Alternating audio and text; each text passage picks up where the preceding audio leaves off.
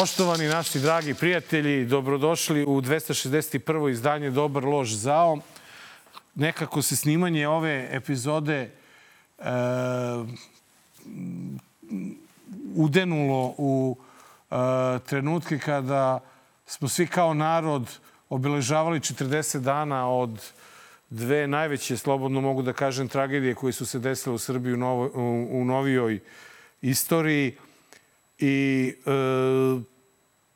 mislim svako normalan u ovoj zemlji je stavio prst na čelo i pitao se o, o svemu onome što nam se dogodilo, ali zato ovi sa druge strane barikada su se potrudili da nikad žešće i nikad jačom kampanjom urade sve ono što mogu da bi taj bol učinili još mnogo većim i jačim. E, na moju veliku žalost i dalje sam sam u studiju, a na ekranu putem interneta i video linka sa nama je i Marko Vidojković. Mare, ćao.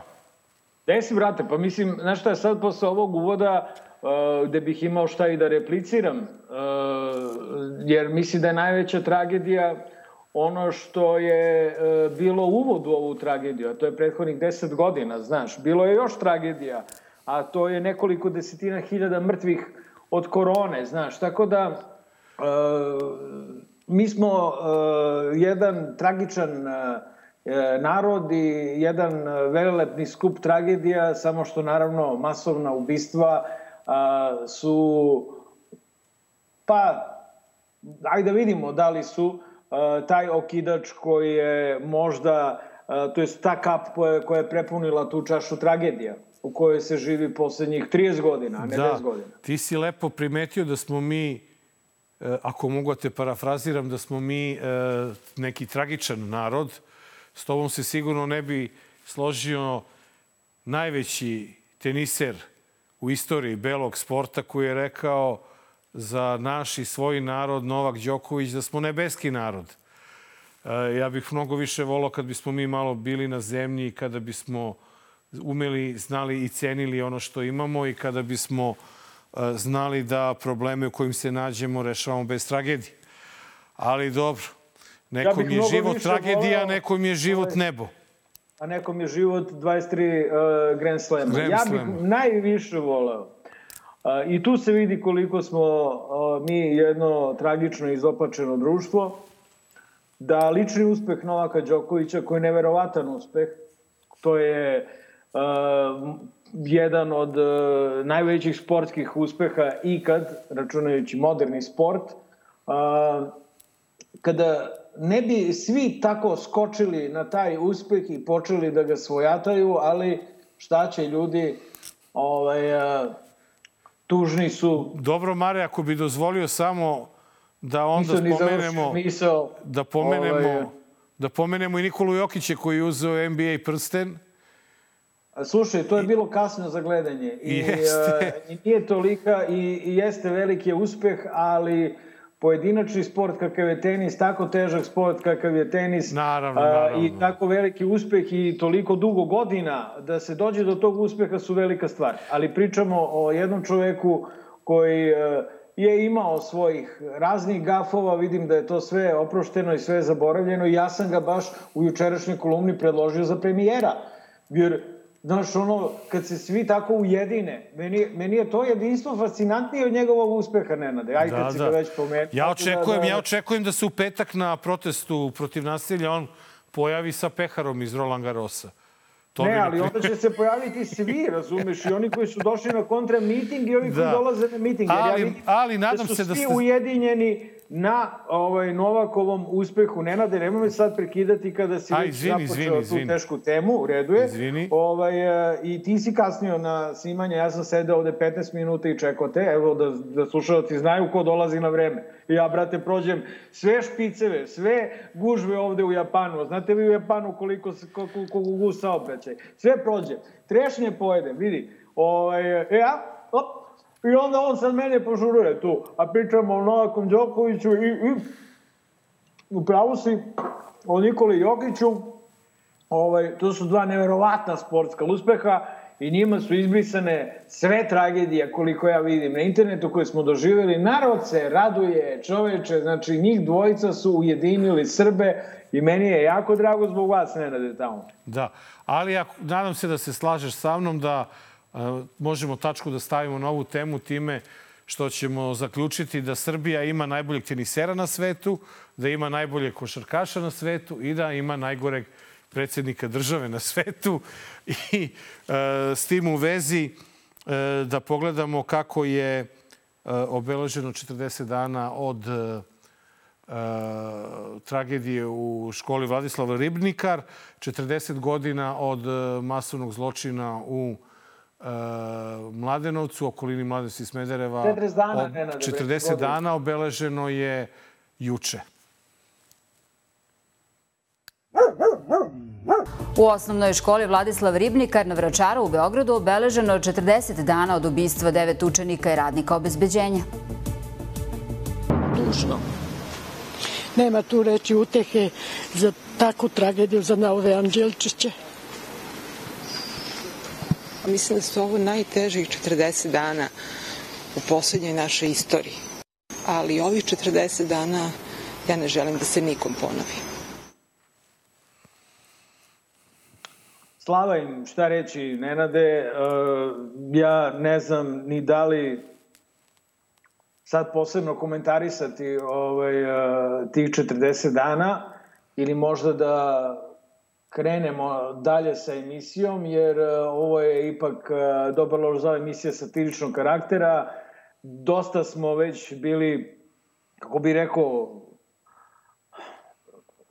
gorki i tužni i besni. Seti se samo šta je sve ispadalo iz mene u raznim prilikama povodom ovoga što se desilo.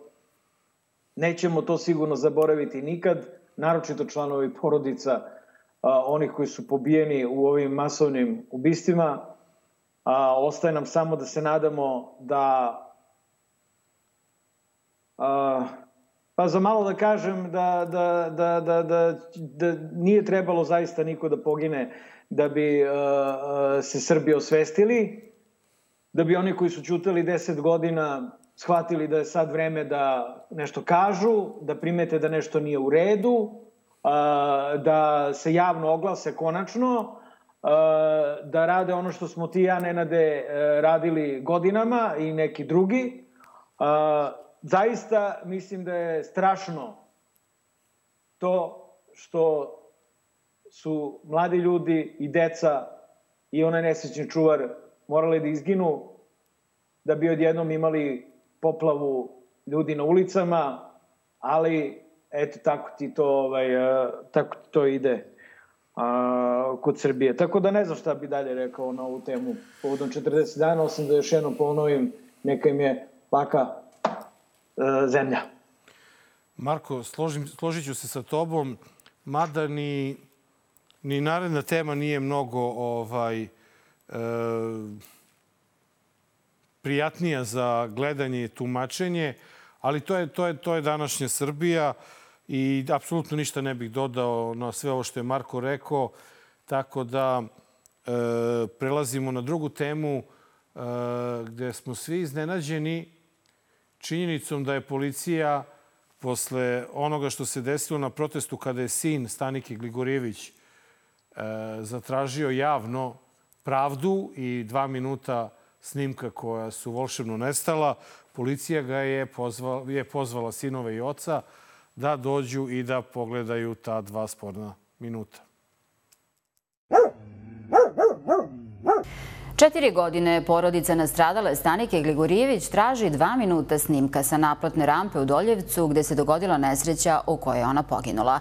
Nakon što je taj zahteve sin poginula je ponovio, govoreći na skupu Srbija protiv nasilja, porodica je dobila poziv iz MUPA e, sa saopštenjem da mogu da vide snimak, ali bez advokata. Oni su postavili jedan uslov da će videti taj film u prisutstvu svog branioca, i e, njima je onda rečeno da oni ne mogu da vide, nego mogu samo bez branioca, a ono što je poseban problem u svemu tome jeste što snimak ne može da bude kod njih, nego mora da bude u tužilaštvu i u sudu. I nekako meni to deluje kao ovaj nekako, nekakva burazerska varijanta institucija. Bi oni imali snimak u kome se pokazuje i, i dokazuje da je vozio ovaj koji je bio okrivljen i osuđen, opet se postavlja pitanje što to niste dali. Da, mislim, e, pitanje i na kom nosaču slike oni vama to daju, dakle, da li je to moglo ovaj, da li je to fotomontaža, vidim da im je to omiljena disciplina. A u pravu si, Nenade, e, naš drug Božo je rekao sve e, što bi i ti i ja mogli da kažemo sada, sve ono što svakom normalno može da prođe kroz glavu i sada rizikujemo da se ponavljamo jer smo a, bukvalno u prošloj epizodi a, imali a, ovu temu i zaključili smo da je snimak verovatno uništen i da sad ako se pojavi neki snimak to će verovatno biti neka fotomontaža. Zapravo je reč o jednom popunom nepoverenju u ovaj režim, naročito kada se... Čekaj, ajde, evo da probam da razmislim kako bi to moglo da izgleda.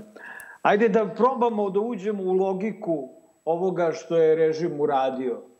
Dakle, zamislimo da snimak postoji. Ja, postoje dva minuta i da na njemu nema ništa posebno. Pošto verujem da na onom snimku koje bi policija pustila e, porodici nesreće Stanike Grigorijević, ubijene gospođe Grigorijević, ne bi bilo ništa posebno, ja. I ovaj a, i sad zašto bi dakle neko to krio taj re, možda ne znam zašto, evo stvarno ne znam. To ne, neko je rekao da je snimak previše jeziv. Pa dobro, mislim nije to snimak sađenja cveća. To je snimak nesreće u kojoj je žena ubijena, ljudi imaju pravo da vide taj snimak. Onda je snimak nestao, jel? Zašto? I sad se ponovo pojavio. I šta je logika? da li je logika bila sledeća? U redu, u redu, tu je snimak, ali sami ste to tražili. Vi ćete uznemireni kada ga budete videli. Nemojte da vam MUP nije to rekao. Nemojte slučajno advokata da dovedite sa sobom, jer advokati su tek nežni i advokat kad, što će da se uznemiri kada vidi taj snimak, bukvalno će prestati da se bavi advokaturom i će na pecanje do kraja života. Eto, to je, iz najbolje namere smo čuvali taj snimak da ne bismo uznemiravali naročito advokat. Evo, Nenade, sam dobro, ja sad to, uspeo sam nekako da pronađem logiku. Da, da, to je, to je ta, ta naprednjačka logika. E, sreća naša, pa naš predsjednik nije nežan. Znaš, pa je on pogledao taj snimak, samo me zanima u kom svojstvu. U kom svojstvu si ti čoveče uzeo taj snimak da gledaš? Šta? Bilo ti dosadno, rekao dajte malo da gledam šta ovi moji rade, pa znaš šefe, evo malo bilo nešto, daj da vidim i to je to. Uh, vidi Marko, dobili smo neku primetbu ovaj, uh, da bismo mi kao pravi novinari koji traže pravdu i istinu, da bismo mi morali da insistiramo da pogledamo taj snimak. Ja mislim da nije naš posao da mi gledamo taj snimak i da pre svega... smo dobili tu primetbu? A dobili smo neki komentar na, na epizodu prošle. To neka budala, to, e, to ne... I znaš, ono, nas gleda, o čemu se, i budale. Pa da, ali o čemu se radi, Mare? Radi se o tome da taj snimak je trebalo da vidi tužilaštvo, sud i odbrana. Niko drugi. To, to, to je taj deo priče koji je u stvari bitan u tom procesu suđenja. Znači, Tužilastvo prvo je to moralo da vidi da prikaže kao dokaz, sud to da pogleda pa da kaže jeste, ovo može, a onda se to predoči i porodici i odbrani da pogledaju o čemu se radi i da se na kraju taj snimak pokaže i na samom suđenju. Međutim, šta se desilo? Snimak je postao javan, ali bez ta dva minuta. I šta sada, ponovo se vraćam na taj na tu kategorizaciju, šta sad taj normalan čovek da pomisli? Zašto nedostaje dva minuta snimka? Pa valjda zato što ne se nešto krije. Baš ta dva minuta nedostaju, baš ta dva minuta gde možemo da vidimo ko je bio za volanom, baš ta dva minuta koja će doneti mir toj porodici. Tako da to ovaj je meni apsolutno jasno da se nešto krije i ono što i dalje ne znam, da li je tačno da je e, čovek koji je osuđen da je to e, počinio, da je upućen bio na izdržavanje kazne zatvora i da je već u oči nove godine milošću predsednika Srbije koji na to ima pravo, on ovaj oslobođen u vidu one godišnje milosti koji svaki predsednik države na svetu valjda ima pravo i da određeni broj e, zatvorenika pusti na slobodu. Tako da je, ja sam slobodan, Marko, da čak pomislim da onaj ko danas u Srbiji ima ta dva minuta, A nema niko, bre. da on drži sudbinu Srbije i ove vlasti u svojim rukama. A izbrisano more, šta ti? Misliš? A druže, sledeći put ćemo da dobijemo ovaj sledeći komentar uh, i ja ću reći da je komentator ne budala kao ovaj prošli, nego da je apsolutno u pravu. A to je, da li ste vi normalni, vas dvojica, da se pecate dve epizode za redom i trošite dragoceno vreme prvog dela vaše emisije, uh, pogotovo sa ovakvom gošćom kako nas čeka, da raspredate bukvalno identičnu priču. Ja sam probao, Nenade, da malo kako bi rekao, napravim neku drugačiju priču, ali nemojmo iz epizode u epizodu pričati, nemojmo se pecati, bar ti ja, brate, ono, znamo o čemu je reč. Bukvalno smo mogli i ovaj, posle ovoga da kažemo snimka nema, icepano, ovo je sve falš, neko na zeza, idemo na treći prilog, jer treći i četvrti prilog, koliko vidim, su ipak malo, naš, dozvoljavaju emisije ovakvog karaktera da se, da se malo i pokaže, znaš, da se da malo pustimo ovaj, mašti na volju, Na volju, da da. pustimo krila e, malo, da dobro, nešto eto, malo ajde, kažemo. poslušat ću te. Znaš, poslušat ću te. i e, srećom e, imali smo priliku da prisustvujemo 7152. sudbonosnom obraćanju našeg voljenog, dragog predsednika Aleksandra Vučića, gde nam je saopštio neke presudne stvari, dao nam je e, u utroje put kojim ćemo ići u narednih ne znam koliko e, desetina godina i pokazao nam je svetlo na kraju tunela. Dami i gospodo, predsednik Srbije Aleksandar Vučić u društvu premijerke Srbije Ane Brnabić. Računajte da moju ostavku imate na stolu. To otvara prostor za neke tehničke razgovore. Ovo što je Ana rekla znači sledeće. Mi ćemo nastaviti da čekamo neke ljude da dođu da razgovaramo i verujem da ćemo ipak pronaći sad. I sad tu dolazimo u jednu, jeli, opet nezavisnu situaciju. Dakle, sada je jasno da ćemo imati prevremene parlamentarne izbore. Ovo je samo pitanje meseca tačno u kojem će ti parlamentarni izbori biti održani. Sada obećava nešto drugo. Za naše penzionere kumulativno gotovo 21% povećanjem, Za medicinare i prosvetare, ukupno kumulativno 16% novo povećanje.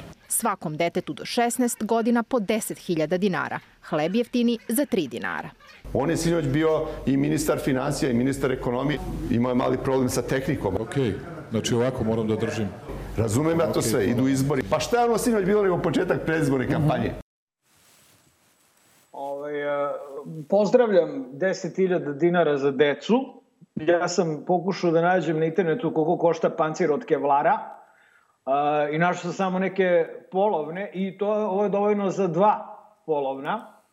Uh, nadam se nekorišćena. Ovaj, uh, d- jedan za prepodnevnu, drugi za popodnevnu smenu. I pozdravljam novi lapsus premijerke, ona je stvarno hit, no ona ne zna više što, kako ona toliko prljavi, da stvarno treba ovaj stalno da je vodi sa sobom. Znači, on uh, se blamira sa tehnikom i sa tablama, a ona brljavi u govoru. Oni su odličan tandem, to sam ti već rekao, Nenade, kada su se vozili onim autobusom bez krova i kad su ovaj, ogovarali uh, ovog za puteve Drobnjaka, Ja sam se smejao, brate, oni su odličan humoristički tandem, šteta samo što su na čelu države. Oni bi trebalo u zatvoru kada budu bili da o, naprave jedan mali vodvilj za ostale zatvorenike. Znaš kako imaju ono, zatvorenici mogu da imaju i bendove i da imaju ovako te pozorišne trupe. Evo, ovo ti je jedna pozorišna trupa od dva ovaj, člana koja će da zasmejava ove ostale koji budu bili u zatvoru, a videli smo, mi si možemo, brate, da ih nabrojimo za 17 zatvora. A što se tiče ovoga, možemo birati da li ćemo da se pecamo na ovo sad novo helikop, bacanje para iz helikoptera koje ćemo mi da plaćamo ili ćemo da u stvari se zapitamo evo meni su, su dve stvari ovde e, najzanimljivije. Prva stvar je da je on ovaj, opet e, onako kukavički pozvao po opoziciju na razgovor. Dođite da razgovaramo, možda ćete nešto i dobiti od tih vaših zahteva. Znači, oni uporno to odbijaju. Šta ti misliš, Nenade, da će da se desi? Uve, ako oni zaista ako zaista raspišu nove izbori, šta će opozicija da uradi? Ja mogu da ti kažem šta bih volao da opozicija uradi, jer e, nisam siguran da li će opozicija pristati da izađe na te izbore. Kako sad stvari stoje, opozicija neće da pristane na, na izbore i ja se stvarno od srca nadam da ćemo barem jednom da izguramo jedan zahtev, a to je ne, ono, do, jednu stvar koju kažemo ne samo opozicija, nego svi mi, građani, jednu stvar kada kažemo da iza nje moramo da stanemo, a to je prvo da se ispune uslovi pa da onda pričamo o izborima. Pošto uslove neće da ispuni, po meni je sasvim logično da izbora ne bude. Ja bih volao da tih izbora, da, ja bi, uh, kad bi se to desilo, volao bi da uh, onda vidimo uh, da li i ko je ucenjen iz opozicije, jer na te izbore će izaći onaj koji je saradnik ovog režima. Prema tome, ja sam poprično siguran da onaj narod koji iz nedelje u nedelju izlazi e, na protest, i to ne samo u Beogradu, nego svake nedelje to sve više i više, e, ja sam ubeđen da taj narod neće izaći na izbore.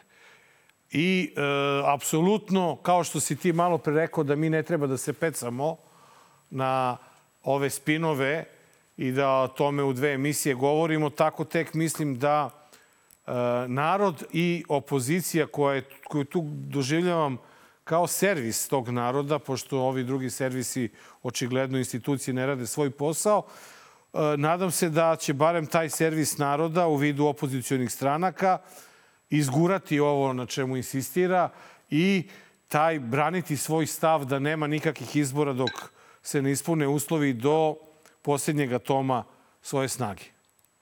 Dobro, ovo je sad, e, prošle nedelje smo bili u, u malo manjem problemu nego ove, jer prošle nedelje nismo znali kako nas istorijsko obraćanje čeka od strane njegove niskosti, a smo znali da će bude Dakle, da. će lupeta gluposti i da nećemo čuti Bog zna šta novo. Neki smo mislili možda će sad da raspišu izbore, ali ne, ne bi rekao da su izbori u ovom trenutku bilo kome isplate, ovaj, pa ni opoziciji. Ali ovo što si ti sad ispričao nas dovodi u stvari do jednog e, ključnog ovaj, pitanja u ovom trenutku. A, a to je a, e, kuda zapravo vode vikend protesti Srbije protiv nasilja?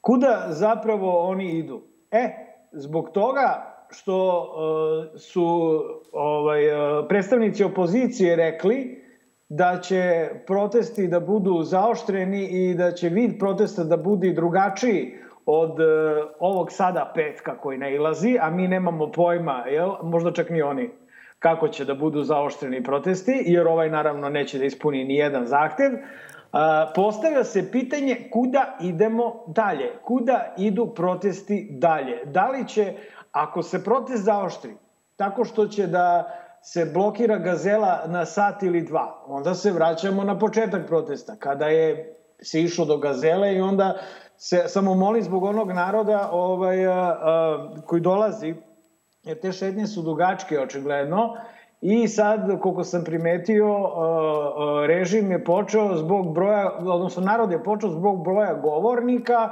i zbog ovog ceremonijalnog dela koji već traje jel, onako poduže, da se skuplja sve kasnije. I time otvorio prostor, uh, time otvoren prostor režimu da, kog ne znam ko je, Đukanović ili neko takav je sliko onu naksi kameru, vidio, brate, onako proređeno, ljudi čekaju šetnju, zna se šta je na protestu najzanimljivija je šetnja ili blokada, a ne sedam govornika. Tako da to je moj, ma, moja mala sugestija, se obrati pažnje u buduće, se ne iscrpljuje kad već ti 50.000 ljudi dolazi, nemojte ih iscrpljivati, dakle, ovaj, kulturno-umetničkim programom koji traje 45 minuta, nego ih fokusirajte na šetnju. Dalje, a, koliko je on dug, dugo spreman da čeka? A, ja mislim da ajde pričat ćemo posle četvrtog priloga malo o tome, o njihovoj taktici koja je popuno kretenska. Ali, uh, ajde da, da, da, da budemo realni. Svi u ovome vide, uh, svi koji učestvuju u protestima, u ovome vide, osjećaju neki početak njegovog kraja. I rekao bih da smo mi to osjećali na protestima od 1 do 5 miliona, Oni naivniji su osjećali na protestima protiv diktature 2017. pre šest godina. Dakle, svaki protest normalno je da ti izgleda kao početak nečeg kraja. Ali molim ljude koji idu da uh, se saberu i da shvate da jednom nedeljno nije jednom dnevno i da shvate da ako taj kraj slučajno ne dođe prek sutra ili za dve nedelje, nije ništa strašno. Ovo su protesti koji su natempirani tako, jednom nedeljno se dešavaju, dakle, da uh, traju, jel? Uh, da traju i pored godišnjih odmora, i pored kiše i snega i tako dalje. Ima zemalja u kojima su ovakvi protesti trajali dosta, dosta dugo. Naročito kad je vladar kao ovaj vaš kulačine. Dakle, on može da ignoriše, pa može i da raspiše izbore može da proba i da ih e, održi. Protest će biti u petak, a možda će u nedelju onda da bude protest. Ja nisam siguran, znaš, ovaj, e, na njegovom mestu bih rekao ovako, nije došao niko od opozicije na sastanak, dakle, nema novih izbora. Ili, ako Brnabić ga podnese ostavku, on postavi nekog novog za tu većinu. Znate, njemu je u rukama da e, zeza učesnike na protestu koliko god. Zato ovaj, e, me malo smara karnevalski oblik tog protesta, jer kao da se, prvo setite se šta je povod za proteste. A drugo, e, molim građane da se ne ponašaju kao da će sutra sve da bude gotovo, zato što može da se desi da ne bude i onda e, sva ova euforija i karnevalsko ovaj, karnevalski hajp koji se podigao, ima da bude antiklimaks, ima svi da se smore. Znamo, setite se kada su propali protesti jedan od 5 miliona i zbog koga su propali, uh, uh, kako smo se svi smorili. Dakle, samo molim ljude, uh, vi koji ste na ulicama, vi ste najlepše što ova zemlja ima, vi ste pametni, vi ste dobri i zato imajte u vidu da ste vi vatra, da je ovo vaš protest, ali vi ste vikend vatra. Dakle, niste svaki dan ulicama, nego jednom nedeljno. I e, samo molim Nenade svakoga ko dolazi, ono ko organizuje, da misli o tim ljudima i da ima u vidu ko je s druge strane i kakav je protivnik. Protivnik nije naivan, on jeste okrnjen, ali tad je još opasniji. Tad ide, brate, Šešelju na, sva, na svadbe. Jebote i pušta odatle klipove sa samim sobom. Ja verujem da on to pustio. Ovaj, uh, neko, pročito sam, uh, Mihajlo sa Nove RS je pro to tako procenio, a ja ću se s tim složiti. Dakle, čoveče, taj lik uh, osniva svoj pokret 28. juna. On po, ne pokazuje ni jednim ni milimetru da će popustiti. Zato, mislim, zajebite Kalnevalsko ovaj, uh, uh, karnevalski duh, nego malo više borbenog duha, eto. Ovaj, ja mislim da je rezultat ovih protesta, najveći rezultat ovih protesta u tome što je prevazišao i vlast i opoziciju. I da malo toga sada zavisi od vlasti i od opozicije, da opozicija mora da sluša taj eho naroda i da je to jednostavno jedan proces koji je pokrenut, pa vidjet ćemo dokle će dovesti. Volao bih i ja, kao i ti, da, da verujem, ja u stvari verujem da je on sada načet i da je, da je taj pokrenut, taj neki da kažem, taj neki talas koji će malo da tu ovaj, poremeti mnogo toga. Ali ono što e, si rekao na kraju, Mare, ja, apropo te svadbe i Šešelja i svega, ja očekujem da na Vidovdan i Šešelj postane deo tog ovaj, e, pokreta, jer čemu više to preslačenje, to glumatanje i tako dalje. Braćo, sestre, kumovi, prijatelji, pa ko će zajedno, ako ne kumovi, ili tako, Mare? Tako je, brate. Pa, Mislim, popuno e. je, ja, ja se nisam iznenadio kad sam video taj snimak. Ma naravno. A, a, zapravo sam u jednom trenutku bio iznenađen što je snimak procurao, ali onda kad sam na Nova RS pročito tekst, ovaj, a, gde je iz, iz, sa tom teorijom da je snimak namerno pušten, onda sam rekao pa da, pa da, e. idemo, ide, idemo u 90, pravac u 90. Ovaki protesti, gde se vidi potencijal ali da se ne vidi jasan cilj i jasan završetak, nažalost. Dakle, u kom fali uh, jasno vidljiva strategija kako se stiže do smene vlasti, a bojim se da se do nje stiže na izborima, a do izbora treba da se stigne izbornim uslovima, ovaj neće, brate, ni, ni dva člana Rema da da. A kamoli Pink Happy, Gašića i Vulina. Mislim, I, I tabloide. I, i tabloide. Dakle, e, e, ali pomenuo si, pomenuo si e, prilikom svog izlaganja taktiku vlasti kad su u pitanju ovi protesti. Ja bih zamolio Jovanu da nam pusti snima, odnosno fotografiju sa protesta gde su napali protestante protiv naselja da je eto neki čovek došao pa urinirao po zgradi vlade Srbije. Oni koji to rade ne kapiraju da je danas u vreme interneta i kada smo svi mal, kad se svi manje više znamo u ovom gradu, što bi rekao i predsjednik Srbije, došli smo do informacije da čovek koji to radio je u stvari član SNS-a e, iz e, Krnjače, čini mi se. imate, imate, imate njegovo ime. E, poč, pokušali su preko Vladimira Đukanovića da ispinuju priču da je u pitanju jedan čovek koji se zove Ivan, I gle za divno čudo, Mare Ivan je moler koji radi po danu, ne radi noću, danju radi i zarađuje pare, ovaj, koje je to demantovo i posle toga oni uopšte više ne pominju ovu priču i ovu, uh, ovu nezgodu, da tako kažem. Uh, kao neko ko šeta ulicama Beograda, ja stvarno nisam primetio, Mare, ni jednog jedinog čoveka koji bi bio spreman da ovako nešto uradi ovaj, uh, Tako da uopšte nemam dilemu da je ovo bio jedan od ubačenih elemenata i samo bih teo da skrenem pažnju svim učesnicima protesta da otvore četvoro oči jer vidite na što je sve režim spreman kako bi amortizovao ove proteste. Mare? Ovaj, znaš ti, ti ne znaš kako u Krnjači. Da? U Krnjači nemaju kanalizaciju.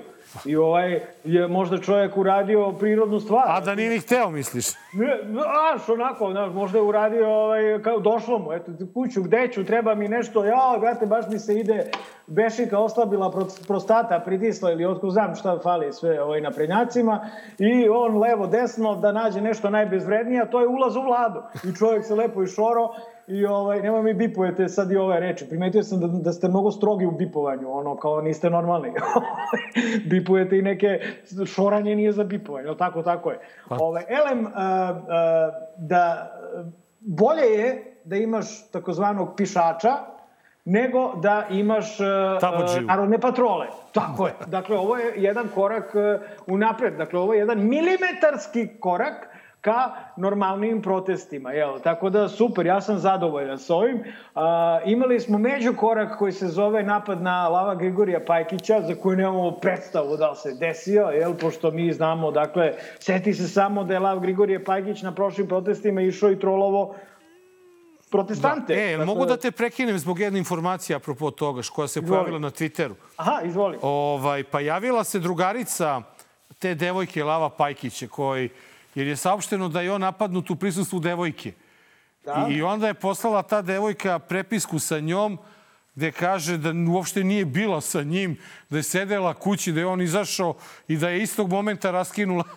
Tako da je Lav Pajkić, ako ćemo verovati Twitteru, ostao bez devojke, ali sa tom e, značajnom naprednjačkom solidarnošću ovaj, kojom je obliven... Kojom značajnom, brate, njemu je najdužu poruku podrške poslao Marko Đurić, druže. Da, ja sam da. Čito, znači, to nije normalno. Ovaj, dakle, šta su oni radili? Onda se, naravno, Lav pojavio, naš bivši kolega, ovaj, a sada funkcioner se pojavio u nekoj od ovaj, kanalizacionih emisija na, na, him, na Pinku, nije to bitno, nego ono što sam hteo da kažem ja da sam Aleksandar Vučić, a nisam srećom, ovaj, a, kunjam ti se Nenade, on je popuni frik, dakle, a, on ovakvim potezima Možda, možda ne treba to da govori, možda mu dam ideju, a? Ajde da čutim, da ču, neću Ma bolje, da, da, a mi da Neka samo, a mi da kratko, da kratko ovaj, uh, izreklamiramo danas i novu uh, naša nacionalna blaga koja se nalaze na kioscima i naravno portal Nova RS. Naročito je lepo danas čitati utorkom kad mi snijemo emisiju jer tad uz svakodnevne Markove kolumne izlazi i moja kolumna, na što se mi veoma na što smo veoma ponosni, ili tako, Marko? I, znači, nemojte da dozvolite da e, naprednjaci ovo unište, a mi idemo e, kratak džingl i vraćamo se u studio gde ćemo e, verovatno imati nikada ozbiljniji, nikada teži intervju. Dobar. Loš. Zao. Dragi gledalci, Dobar loš zao u 261. epizodi. Gošća doktor pravnih nauka, aktivistkinja Eko straže i roditeljske samodbrane, potpisnica zove, podrške akademske zajednice zahtevima protesta i ono što je u ovom trenutku najbitnije, majka deteta koje ide u osnovnu školu Vladislav Ribnikar, Aleksandra Bulatović. Aleksandra, dobrodošla u Dobar loš zao. Zdravo Marko, hvala na dobrodošlici. Drago mi je da sam konačno ovde. Toliko, e, hvala ti, ovaj, toliko toga ovaj, a, a, ima da se kaže o tebi da nam je otišlo pola ovaj, intervjua na uvod. A, pa ne, pogledaj samo šta sve, ima još toga, ali ja sam skratio. Ajde da krenemo od činjenice da se ovo snima, da se ovo snima i emituje nekoliko, tek nekoliko dana, pošto je obeleženo 40 dana od masakra u osnovnoj školi Vladislav Ribnikar i u Mladenovcu. Pričat ćemo o Ribnikaru. A, ti si članica, dakle, roditeljske samoodbrane. Šta je roditeljska samoodbrana? I zašto ona postoji uopšte? Roditeljska samoodbrana je nastala kao inicijativa jedne grupe roditelja nakon što je prošlo više od dve nedelje od užasne tragedije koja se desila u školi Vladislav Ribnikar, kada smo videli van svake sumnje da je način na koji se ta kriza vodi od strane institucija potpuno neadekvatan i kada je bilo već sasvim jasno da su naša deca tim rukovodđenjem koje nije kako treba kontinuirano viktimizovana. A šta, šta, je, šta je vaš e, cilj? Mislim, u školi postoji savet roditelja, postoji, šta postoji još? Školski odbor, sad postoji i roditeljska samoodbrana. Šta je cilj roditeljske samoodbrane? Uh, je li vam cilj da... Šta je bio cilj? Cilj roditeljske samoodbrane je vraćanje u pravne okvire države Srbije. Znači da se cela priča oko postupanja u vezi sa krizom koja je nastala u školi vrati na put koji je propisan zakonom i drugim aktima, da se istovremeno uh, uh, ukaže na pristojnost i na potrebu poštovanja naše mrtve dece i iskazivanja pijeteta prema njima i uh, na ukazivanje društvu u celini nekog pravca za izlazak iz ove krize. Konkretno, roditeljska samoodbrana je vladi uputila 25. maja jedan skup zahteva koji se zapravo mogu sumirati u sledećem. Ribnikar kao škola mora se staviti van funkcije. 3. maja za devetora naših drugara škola se završila za uvek. Morala je da se završi i za svu ostalu decu u Ribnikaru. To je bio prvi zahtev. Drugi zahtev se odnosi na utvrđivanje odgovornosti u vezi sa postupanjem oko cele priče u školi, konkretno utvrđivanje odgovornosti školske uprave, ali istovremeno i obezbeđivanje zaštite nastavnika i njihove sigurnosti, koji su takođe, pored naše dece, žrtve neadekvatnog vođenja celom ovom pričom. I vrlo važan zahtev o koji se kako stvari stoje, vlada za sada potpuno oglušava, to je memorializacija samog mesta stradanja, to jest memori memorializacija škole.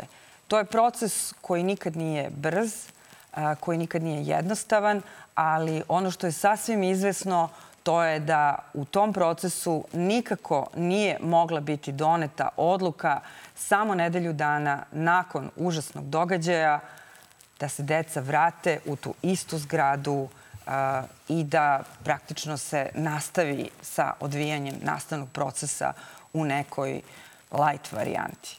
Aleksandra, ove, izvi, izvini, Nenade, samo ću jedno kratko pod pitanje. Samo ću da nas vratim sve zajedno na treći maj i da nas podsjetim ovaj, oko toga kako je vlast hendlovala ovu krizu. Dakle, njihov krizni menadžment je bio takav da, se, da su izbacivali tabloidne informacije o počiniocu ubistva, maloletom ono, detetu. A, prema tome, kako ste očekivali da će, a, kada nešto počne na takav način da se hendluje, u jednom trenutku da se hendluje drugačije? Moram da kažem da smo zaista svi koji smo na neki način neposredno pogođeni celom celim događajem prosto bili u ne, nekakvom neadekvatnom funkcionisanju. Prvo da objasnim situaciju na nivou škole. Škola ima školski odbor. To je zapravo organ upravljanja škole. Nešto što je u privredi pandan tome je upravni odbor. Znači, krizna, krizni menadžment je bio zapravo na školskom odboru. A školski odbor se do 19. maja nije sastao ni jednom.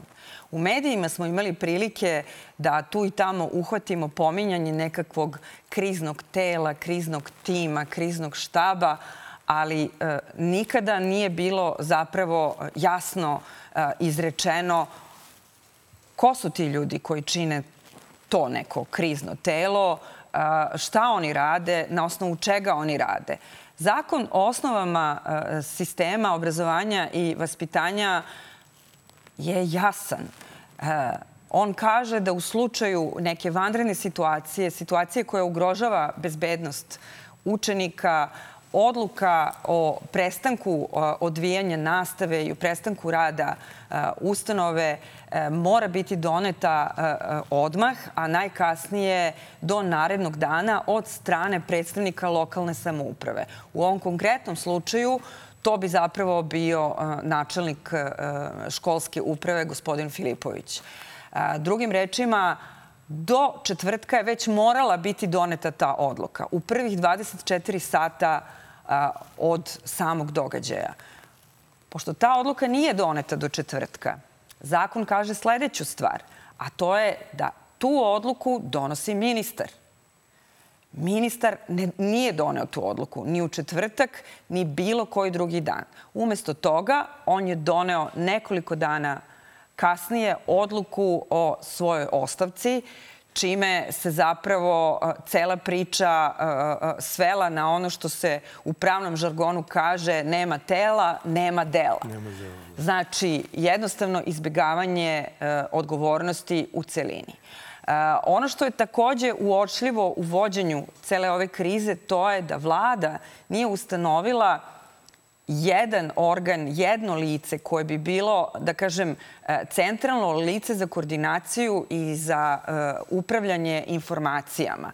Mi kao, kao roditelji do dana današnjeg nismo videli ni jednu zvaničnu odluku u vezi sa funkcionisanjem škole. Niti smo videli tu odluku o prestanku uh, rada škole, niti smo videli odluku o ponovnom početku rada u školi kao ni sve druge odluke. Saznajemo sve iz medija, znači da parafraziram ime benda Neočekivana sila koja se iznenada pojavljuje i rešava stvar. U ovom slučaju je neočekivana sila koja se iznenada pojavljuje i tako deli neke informacije po nekim medijima, stvara jednu potpunu kakofoniju i gomilu šumova da više čovjek ne zna ni šta je zaista se desilo, ni šta se zaista konstruiše, e, iz kog smera ta konstrukcija dolazi, ko tu uopšte muti vodu, ali pre svega ko je odgovoran.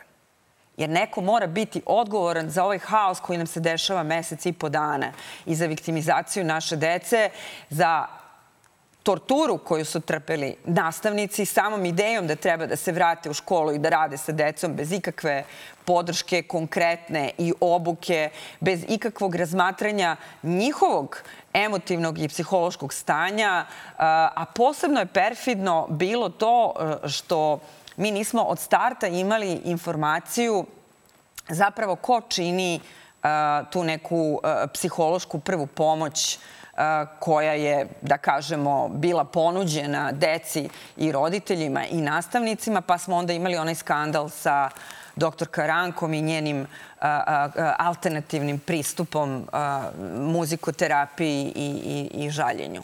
Mislim, prosto, cela stvar je neverovatna, a na, na celu tu priču oko neadekvatnog rukovodđenja nadovezuje se poslednjih dana i konačno dostupan uh, izveštaj inspekcijskog nadzora koji je sproveden u školi u periodu od 22. do 29. maja koji praktično potvrđuje da uh, nismo ništa drugo mogli ni da očekujemo od takve uprave. Nejasno je na osnovu čega uprava, uprkos najavama iz vlade, uprkos primeru koji je, da kažem, ipak postavio bivši ministar Ružić, ostaje na svojim mestima, i nakon urušenja, uručavanja rešenja o suspenziji i dalje prima norvešku delegaciju, na primjer i vode po školi koja je tu došla u, u vezi sa memorializacijom budućom i tako dalje. Znači, jedan potpuni pravni galimatijas nezakonitosti, nepotpunosti, neadekvatnosti, a rezultat svega toga je patnja dece koje su već viktimizovana užasnim događajem u njihovoj školi. E, sad bi ja teo da, da, da ovaj, u svetlu svega ovoga što si rekla da nastavimo, to je e, utisak je da je vlastima u Srbiji izuzetno bilo stalo da svi zaključe da sistem nije zakazao. Jer kad sistem nije zakazao, oni peru ruke i kažu to se desilo. Međutim, mi vidimo da je sistem i tekako zakazao ne samo pre, nego naročito posle, posle e, tog zločina. I ono što ja, kao roditelj, e, koji je u daleko blažoj situaciji od, od, od tebe, ja sam se pitao kako da pustim dete da ide u školu posle toga. Da li stvarno mi grešimo kada tvrdimo da vama niko tamo ništa nije ni objasnio, ni rekao, nego su vam samo rekli u sredu nastavljamo sa školom? Jeste imali vi bilo kako ono sastanak, razgovor sa direktorom škole, da, da su vam objasnili zašto je bitno da ići u školu ili ne treba, ili ste samo stvarno dobijali informacije iz medija? Ne, bukvalno je tako kako ti kažeš. Znači, onaj utorak e, pred povratak u školu, e, nama je samo stigao mail u 19.14, 14 minuta nakon što je počeo sastanak saveta roditelja, koji inače je jedno savetodavno telo koje po zakonu zaista nema nikakve posebne ingerencije, ali u tom trenutku sastajanje tih predstavnika odeljenja u savetu roditelja bio prvi i jedini pokušaj da se konsoliduju e, ideje i razmišljanja koje roditelji imaju u celoj priči i da se na taj način pokuša da se utiče na odluke tog nepoznatog kriznog štaba, kriznog tela, kriznog tima. Mediji su već do 8 uveče objavili da se sutra kreću u školu i sadržaj tog dokumenta koji je nama prosleđen mailom. Inače, naša deca su putem Viber grupa dobila tu informaciju i pre nas, što je posebna onako priča, priča znači za neverovati. A, a sam sastanak saveta roditelja je trajao još e, dva i po sata nakon obaveštavanja javnosti o tome da deca od sutra kreću u školu. A dokaz da sistem funkcioniše je taj što odmah teramo decu u školu. Tako? Da, da, to je ta takozvana normalizacija. Kada ništa nije normalno, ti doneseš e, prosto administrativnu odluku o normalizaciji i onda na taj način problem prosto nestaje sa horizonta. To smo videli u slučajevima raznim drugim. Raznim. Ali pritom ta učionica gde se najveći, odnosno taj najviše ranjenih i ubijenih, ona čak ni kako si nam rekla na početku, ovaj, kad smo se spremali za emisiju, ona nije ni ograđena nekom da. trakom da se zna da je tu nešto bilo, da ne sme da se uđe, da ne treba i tako dalje. Da, da, nije ni na koji način obeležena, ne postoji neka vrsta, da kažem, pažnje u vidu bar policajca koji bi stajao tu ili neke osobe koja bi prosto uh, brinula o tom prostoru, da kažem, stradanja u, u najvećoj koncentraciji. Čak se desilo i to da deca prolaze pored te učionice da bi uopšte mogli da izađu u unutrašnje dvorište škole i da naravno to bude jedan okidač tuge i, i, i, i prosto nove traume za, za A kaži mi samo, šta radi direktorka sve ovo vreme? Direktorka rukovodi svim u školi. Sve ovo vreme. Čime rukovodi? Raspalnim sistemom? Ne zna se. Znači, direktorka e, lobira da se deca vrate u školu, direktorka govori o tome kako, kako je sve pod kontrolom, kako se mi grlimo, kako ćemo mi sve to da prevaziđemo, kako ćemo mi da se sećamo naših drugara i tako dalje. Međutim, direktorka ne govori o nekim ono, intuicijama vezanim za jedan tako tragičan čin. Znači, ne morate biti posebno edukovani ni posebno kompetentni za ovako nešto što se zaista svima nama na ovim prostorima prvi put desilo kao iskustvo da biste znali da u slučaju jedne takve tragedije jedino što je primereno u prvom trenutku jeste ćutanje i tugovanje. I to kako se ponašala e, direktorka kao predstavnica e, institucije u nekom, da kažem, na nekom najnižem nivou, to je e, ista matrica koju možemo da pratimo i do najviših nivoa naših da. institucija, nažalost. Znači, jedino što je bilo primereno u tom trenutku da se uradi, to je da svi najviši predstavnici vlasti dođu do škole i u, tuguju u ćutnji sa ljudima tamo koji su očajni bili. To se nije desilo. Vidi, Marko Maša ima nešto da uleti pre nego što pitamo, baš nešto što se tiče te velike tuge. Kaži, Mare. Htio sam da pitam kako Aleksandra u, ovaj, u odnosu na sve ovo što je rekla komentariše odluku o predsednika, jer on je sam rekao da je donao tu odluku, o iznenadnom završetku školske godine u svim školama u celoj zemlji 6. juna. Možemo različito da komentarišemo tu odluku, ali sa pozicija logičkog silogizma samo je jedan način da se ona prokomentariše, a to je da je reč o jednoj e, neprincipijalno štetnoj odluci. E, ribnikar je trebalo staviti van funkcije nije trebalo donositi odluku koja praktično predstavlja nekakvu masku institucionalne neadekvatnosti rukovodđenja ovom, ovom krizom. Znači, to je definitivno principijalan stav. Sad mi možemo pokušati da romansirano gledamo na tu odluku, da je to ipak na neki način značajno jer će se pamtiti da je u 2023. godini školska godina okončana zbog tragedije koja se desila 3. maja. Međutim, ta odluka je toliko zakasnila da je zaista to samo jedno onako natezanje da ima veze sa tim. Pre bih spekulisala o nekim drugim informacijama koje kruže između građana, aktivističkih grupa i tako dalje, a to je jedno ogromno nezadovoljstvo koje vlada u prosveti, koje je trebalo da kulminira jednim generalnim štrajkom, koje je takav divljački način prekida školske godine praktično zaustavio, onemogućio. A isto tako možemo i da gledamo na tu celu priču i iz pozicija bezbednosti, koja je vrlo važna tema, znači u ovom trenutku za sve.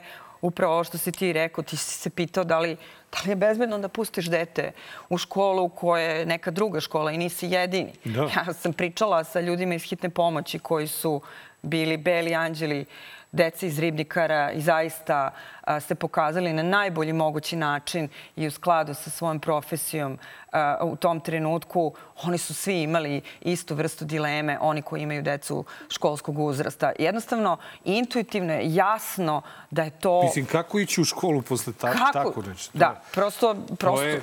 I, I sad, ovaj, baš sam gledao, uh, slučajno sam pogledao to gostovanje Dragoslava Bokana na, na, Hep, na Pinku, koji je takođe roditelj deteta yes. iz Ribnikara, koji kaže da je sasvim normalno da se idu u školu, da tu deca treba da idu, da se druže i tako dalje. I ja ne mogu da razumem da se mi po tom pitanju razlikujemo. Da li se mi po tom pitanju razlikujemo zato što smo mi protiv njih ili zato što stvarno oni toliko brane ovo da čak i po cenu uh, ne znam, te viktimizacije koju mi ne osjećamo, koji nismo u toj školi, Ovaj, I čak i po tu cenu oni će da guraju samo da bi bili kontra ovoga što mi tražimo. Tu postoji jedan detalj koji onako prolazi ispod radara kada vodimo ovakve rasprave. Znači, da budemo sasvim jasni, deca treba da idu u školu, deca treba da budu zajedno. A, zajedništvo je ono što je lekovito i što im je neophodno u ovom trenutku. Treba da budu sa svojim profesorima, treba da imaju određenu strukturu, ali ne u toj zgradi. Znači, ja sam kao neko ko se bavi profesionalnim istraživačkim radom zaista odradila jedno pošteno istraživanje na temu svih slučajeva school shootinga do sada na svetu i nigde ne, ne postoji zabeleženo da je škola nastavljena nedelju dana kasnije nakon događaja u istom prostoru bez ikakvih intervencija. To sam uradio na mnogo nižem nivou od tebe, verovatno. E, samo u Americi se svaka ta škola sruši pa se pravi nova ili se deca čak sklone u drugi grad, u drugu opštinu da idu. Ali vratio bih se na, na ono što si rekla da državni vrh je trebalo da dođe tu i da pokaže svu svoju tugu i bol koju je osjećao.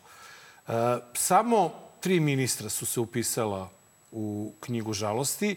E, ministarka zdravlja, ministar e, koji je podneo ostavku Branko Ružić i to kada je sa stranom delegacijom došao da obiđe školu i e, ministarka Đedović, e, ministarka energetike. E, zašto oni nisu došli to da urade?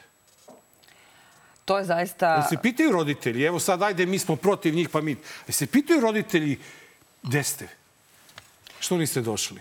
Neki roditelji se pitaju. Istini za volju, neki ministri su došli po svojoj funkciji i imali su određene razgovore e, sa roditeljima, konkretno ministarka Kisić i ministarka Popović. Šta više, ministarka Popović je rekla da njena deca ne idu u školu, iako ona nisu učenici škole da. Ribnikar, od kako se to desilo. A, takođe, komšijska služba osmatranja javljanja i uzbunjivanja je uočila a, e, još neke ljude koji su se tu pojavili, što se kaže, inkognito a, i odali poštu paljenjem sveća i donošenjem cveća. Verovatno je to bila neka potpuno onako privatna, privatna ljudska osjećaj. potreba, privatni osjećaj ali je neverovatno da vlada nije našla za shodno da kao institucija stane i da podršku deci i roditeljima i celoj državi, jer ovo je trauma celog društva. I ne vlada samo, nego institucija koja jedino funkcioniše predsjednik države. Mi sad vodimo raspravu o tome da li on bio ili nije, mislim, potpuno deplasirano. Da. Potpuno me ne zanima kad nije bio onda kad je trebalo Tako da je. bude. Isto kao, isto kao i ovaj prestanak e, školske godine, godine da. više od mesec dana nakon događaja. A pitaću te nešto što ne moraš da mi odgovoriš, ali ja jednostavno moram da pitam, jer mi sve što radimo i što govorimo, pričamo da radimo zbog naše dece. Kako su ta deca? Ta deca su uh, različito. Uh, svi koji imaju decu znaju koliko deca reflektuju uh, atmosferu koja vlada u domu i reflektuju stavove roditelja. Znači, naša osjećanja se javljaju na osnovu vrednosti koje mi negde usvajamo, a vrednostima decu uče roditelji. Znači, ako, de, ako su roditelji na stanovištu da je u ovom trenutku najvažnije samo nastaviti život, što je, da se razumeo, potpuno legitimno i da kažem, jedan onako čin koji je veoma važan za preživljavanje, ali istovremeno i čin koji je klasična sociopatija.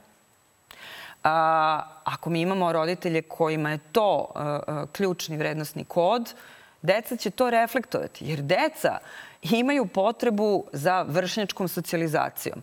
Znači, svi mi ljudi imamo potrebu za pripadanjem drugima. Znači, ljudi su društvena bića i mi zaista ne možemo da funkcionišemo bez toga. U ostalom, poznata je Aristotelova krilatica da onaj ko je sam, on je ili zver ili bog. Znači, čovjek mora da ima zajednicu, mora da ima društvo. Ali e, deca e, e, moraju da nekako protumače, da sebi interpretiraju iskustvo u kome su se našli. A različita deca u toj školi imaju različito iskustvo. Nije isto iskustvo malaca, prvi, drugi, treći razred, koji su bili u drugom delu škole i moguće da nisu ni čuli zapravo pucnje i iskustvo, na primer, sedmaka ili dece iz odeljenja koje je bilo u susednom kabinetu. Ili pak osmaka koji su poznavali tu decu, ili ih bar sretali. Isto tako iskustvo braća i sestara, jer tu ima dece porodica koji imaju dvoje ili troje dece u školi.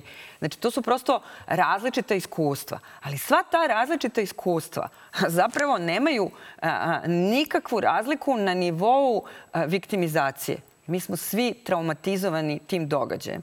Sama ideja da se to desilo, da je drug iz školske klupe oduzeo život devetoro dece. To su bili naši drugari, naša deca. Njihova imena se nedovoljno pojavljuju u javnosti. Umesto njihovih imena pojavljuje se ime deteta koje nas je sve unesrećilo svojim činom.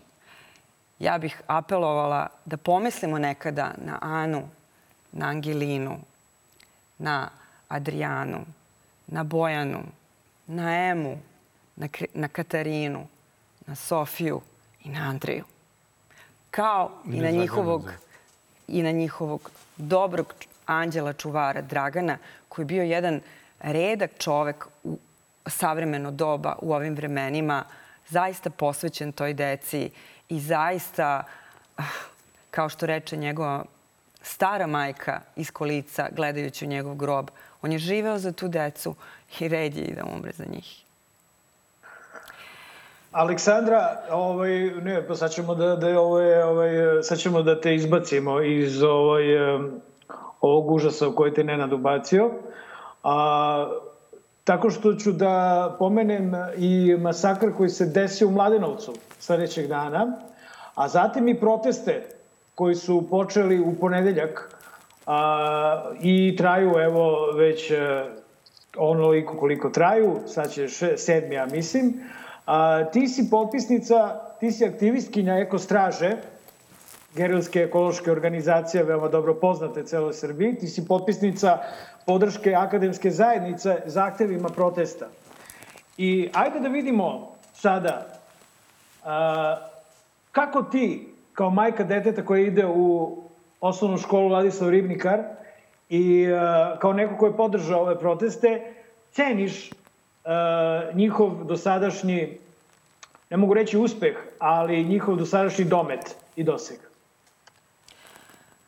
To što su ljudi spontano osetili potrebu da izađu na ulicu i da na jedan miran način pokažu da je ova situacija u kojoj se mi nalazimo, kriza, duboka podeljenost u društvu i nasilje koje je sve prožimajuće, ne samo na interpersonalnom nivou, nego i strukturno, i kroz e, različite vrste socijalne isključenosti, i kroz siromaštvo, i kroz medijsko nasilje, da je jednostavno to e, nešto što ne može biti temelj zajednice i da to predstavlja nešto što ljudi ne žele kao osnovne karakteristike društva u kome žive.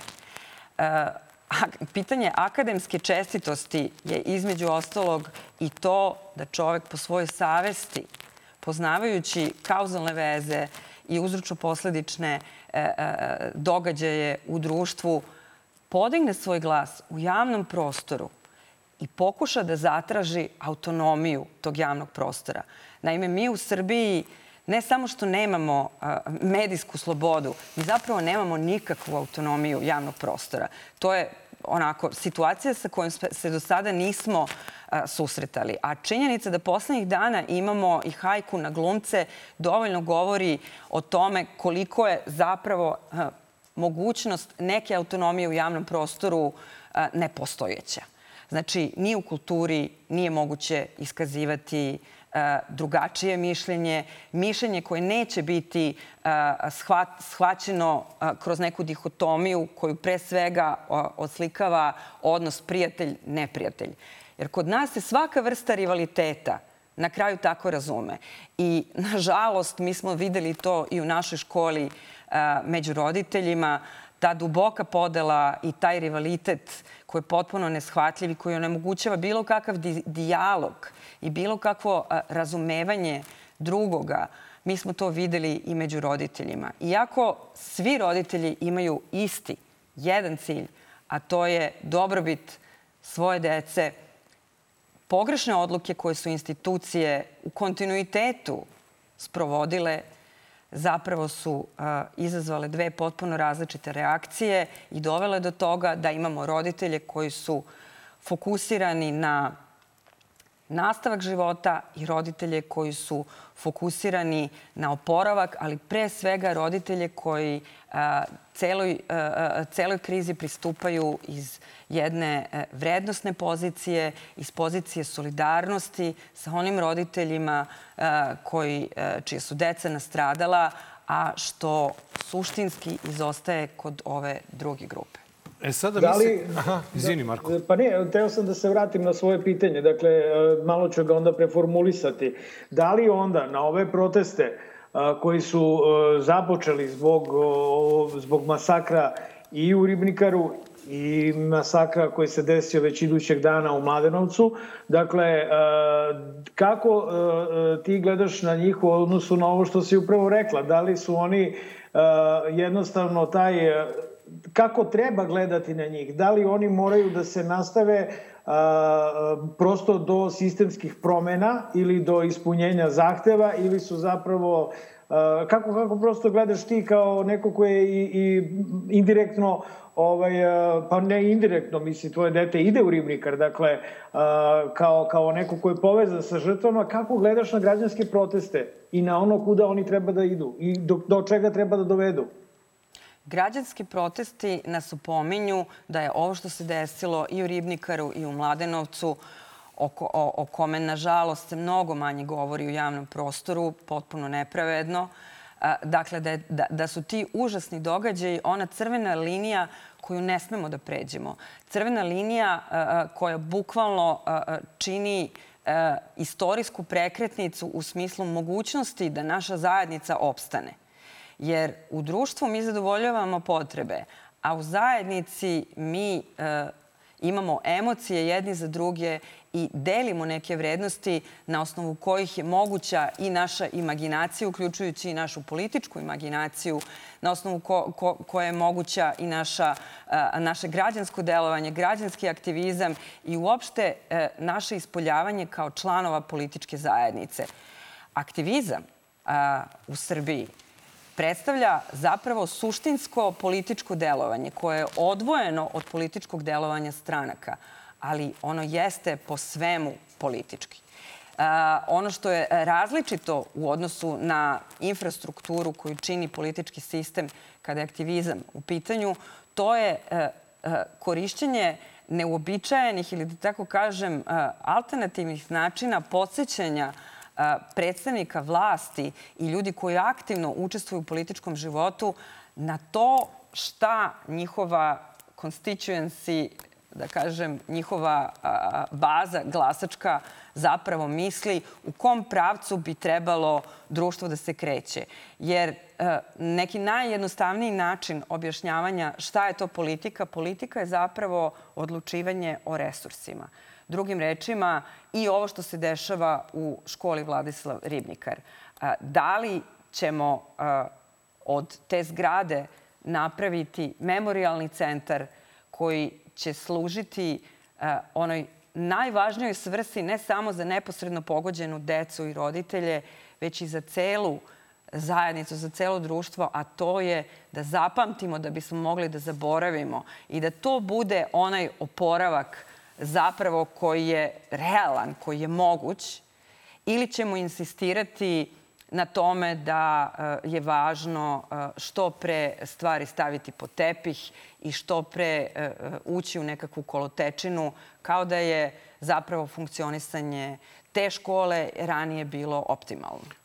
Nećemo ovoga puta imati pitanje sa Twittera, jer i pored mnogo lajkova za, koje smo dobili prilikom najave ovoga, mnogi komentari su bili a šta da pitamo.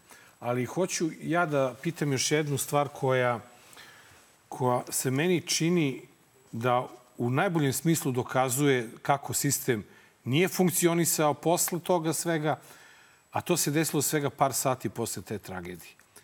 U kojoj normalnoj zemlji, i da li uopšte ti deliš taj moj stav, možda ja nisam u pravu, ne znam, ali u kojoj normalnoj zemlji bi u prisustvu ministra policije, načelnik policije gradu u kome se desi tako nešto, ovako pokazao da postoji spisak dece za likvidaciju i na taj način je on taj spisak učinio javnim. Moguće da je to taj načelnik policije sam doneo tu odluku i ono što, ali bukvalno ono, nije nikakva patetika, to je stvarno nešto što mene ubija u pojam, što ja svaki put kada legnem pomislim ne samo kako je roditeljima koji su decu izgubili, nego kako je roditeljima dece sa tog spiska koje neki, ne mogu da ga, ne, nema, nema, nemam reč, učinio dostupnim javnosti. To ne samo da je kontraintuitivno, to je i suprotno postojećim propisima ove države. E, ja mogu e, e, ipak da pronađem jedan ugao, to jest da razumem zašto je to možda urađeno, ali to ni na koji način ne opravdava i, nažalost, govori mnogo loše o ukupnoj bezbednosti u državi, a to je možda bio nekakav patetičan pokušaj da se spreči neko rušenje kule od karata, to je da se ponavlja tako nešto i na nekim drugim mestima. Pa, jasno, ali je bilo dovoljno reći postojao je spisak. Naravno. Nisi morao da ga učiniš javno. Ono što se dešavalo prvih 24 sata u medijima vrlo jasno fokusira celu priču na konkretnog učinioca i na njegovu porodicu kao i na žrtve. A to takvo usmeravanje pažnje meni jednostavno upućuje me na zaključak da je ideja iza toga da se institucionalna odgovornost prosto skloni u neku, neku, neki, drugu. neku drugu stranu, yes. na periferiju i samo da, da se onda... mi krivi, nismo mi samo krivi. Da, samo idemo. da nismo mi krivi. Mislim, to je stvarno neverovatno. Bilo je i u drugim zemljama na svetu poslednjih godina raznih tragičnih događaja, pa su njihovi, njihove administracije potpuno drugačije i reagovale i upravljale. Nije da se nema dobra praksa, nije da se nije imalo mogućnosti da se obaveste o tome, nego jednostavno, očigledno, nije bilo volje pre svega političke, da se to uradi. A kada su protesti u pitanju, da se vratim samo na jedan a, a, a, bitan aspekt vezano za te proteste. Da se razumemo, a, narod je izveo narod na ulice. Da. Ovo što se desilo je ponukalo ljude zaista iz svih, svih uzrasta, iz različitih krajeva države da dođu i da u miru i u tišini izraze svoj protest ovakvom stanju u društvu. Nije, ne čudi što je akademska zajednica stala u podršku toga. U ostalom videli smo i studente i pravnog fakulteta i drugih fakulteta kako predvode E, šetnje na ovim protestima i najnormalnija stvar na svetu je bila da e, profesori stanu uz njih i da cela akademska zajednica stane uz njih. Više od hiljadu potpisnika. Međutim, želela bih i da ne zaboravimo jednu vrlo važnu stvar. Dok je cela zemlja bila u šoku, zamrznuta od užasa događaja od 3. maja, šta je radila vlast? Vlast je ispod radara donosila katastrofalne štetne propise sa dalekosežnim posledicama na nas i na našu decu i na budućnost ove države Pre svega mislim na postupak postepene privatizacije 23 javna preduzeća, ali na, e, takođe i na ukidanje e, e, naknade za konverziju zemljišta prema zakonu o planiranju izgradnji, pa konačno i ta katastrofalna odluka o, o ukidanju, o završetku školske godine koja je došla 6. juna, koja je praktično osujetila, onemogućila i decu širom države, ali i nas nastavnike da normalno funkcionišu. E, Mare, ako smo završili deo, idemo na kratak predah pa da nastavimo. Pa ja bih samo ovaj, završio ovo sa posjećanjem, ne znam koliko puta moram da vam kažem, ali imajte uvek u vidu protiv koga protestujete, a sad će vam Magreći Kutak i pomoći u tome.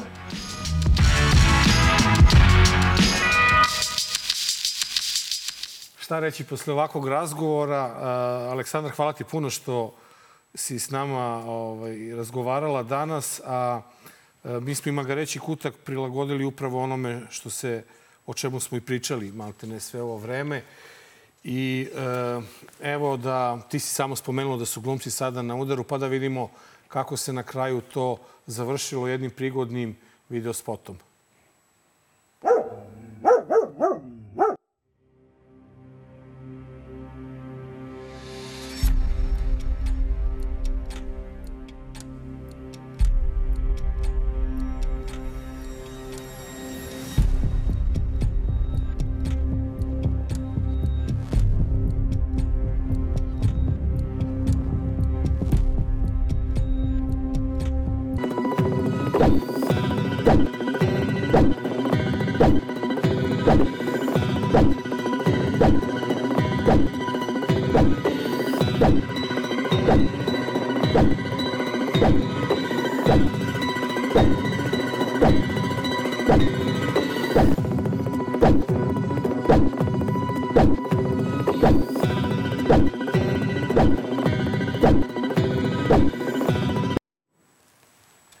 Smem da primetim, ali ovo delo je kao špica za neki najbolji domaći film ikad. Svih da vremena. Da, hvala Pinku zapravo, jer uh, jedno je kada targetiraju nas, novinare i to, ali kada targetiraš ljude koji su mnogo poznatiji i simpatičniji nego što si ti i tvoja televizija ili ti i tvoja vlast, na ovakav način ovoliko njih koje smo gledali u toku filmu, to ovo je samo ono poziv za još jači protest, rekao bih. Po meni, a, znači sam početak e, govori e, sve ono što treba da znamo o ovom spotu. Na samom početku se pominje o tome da su glumci uhlebljeni, a da e, ne igraju onako kako im se svira. To jasno govori o tome šta oni hoće, od nas, šta oni hoće i to jasno govori o e, vrednostnom kodu koji dominira kod onog koji je e, napravio ovakav spot, a to je da je trgovina uticajem zapravo primaran način transakcija društvenih za te ljude. Aleksandra, šta te kreći o moralnom kodu o, ovih osoba koje ćemo sad pogledati? Korišćenje um, um, te nevine dece koja su ni kriva ni dužna nastradala, da se neke svoje političke frustracije, jer to su frustracije, oni na ovakav način pokazuju frustracije prema vladajućem režimu koji ne mogu da dobiju na izborima, na ovakav način sprovode. Meni je to tragično za jedno društvo, uopšte da postoje takvi ljudi da vam kažem iskreno, meni je to nivo monstruizma i gotovo isto kao i dečko koji je ubio tu decu, monstrum Kostak. Prošlo je znači 40 dana i vidite kako, kako je vreme odmicalo, onda se u toj šetnji počeli okupljati ljudi, a bilo ih je od samog početka, ali, ali počeli su se okupljati ljudi koji jasno pokazuju u stvari koji je cilj njihovog okupljanja i vidimo da je to prevashodno politički skup, vidimo da se to više ni ne krije, vidimo da je to prevashodno usmereno na predsednika države, na Aleksandra Vučića. Hm. Pa ako mogu kratko da prokomentarišem, prva gospođa je zapravo sve vreme lupetala jer e, je jasno stavila do znanja da ne zna ni šta je frustracija, ni kako se određene reči oblikuju, a da ne zna ni šta je nasilje. Tako da razmatranje sa moralnog aspekta sadržaja onoga što je govorila je gotovo nemoguće jer je prosto taj ceo iskaz logički nekoherentan i neutemeljen a e, e, ministarka Kisić je e, namerno zaobišla neke činjenice, znači jasno iskazala zlu nameru jer vlada je ta koja je 4. maja usvajala štetne propise i zbog toga je jedan od zahteva među građanima koji se sve više kristališe među aktivistima upravo stavljanje moratorijuma na sve odluke koje je vlada donela od 3. maja na ovamo. To je čak jedan više nego logičan zahtev, ali dobro. I na kraju da pogledamo šta je 40. dana od tragedije u Ribnikaru radio predsjednik Srbije i u čijem društvu.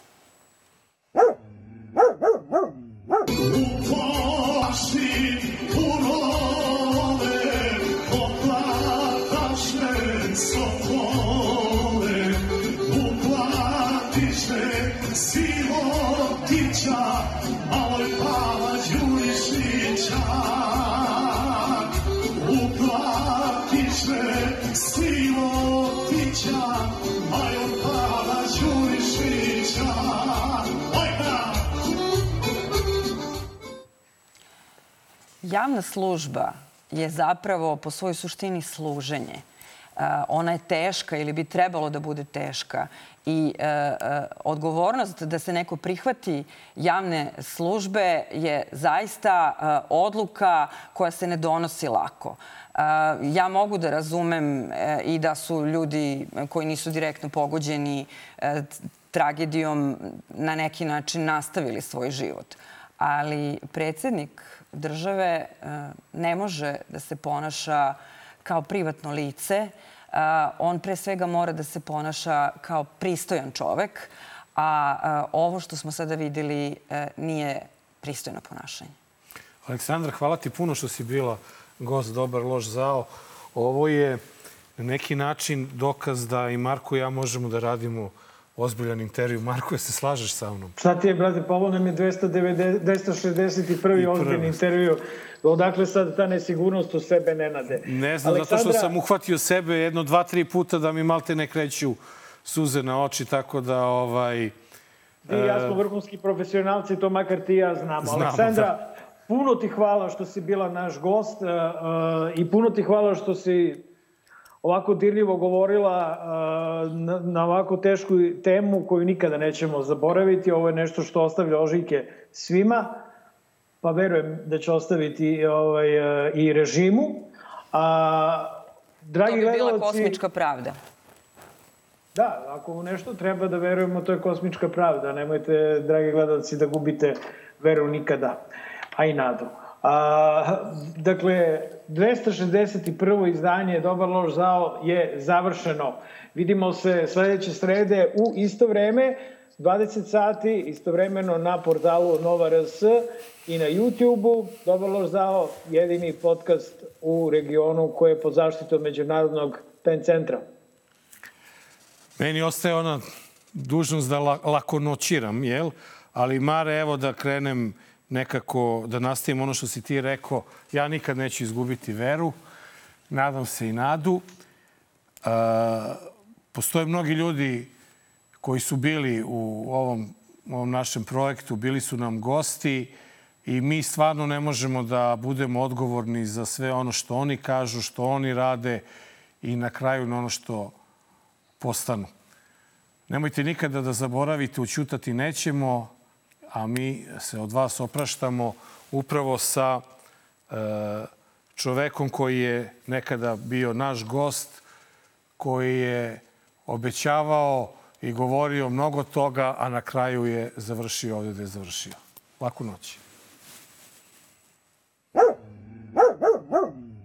Sram vas bilo i za Kosovo, i za Srebrenicu, i za sve one krađe, lopovluke i pozivam i one časne ljude koje su ostali tamo, koji nešto vrede, da dođu, da zajedno borimo se za Srbiju, da damo podršku onome koje zaslužuje i nemam problem. Juče su mi rekli, ajde reci žive Aleksandar Vučić, to su mi rekli i dobacivali. Ja sa ponosom sledeću stvar kažem.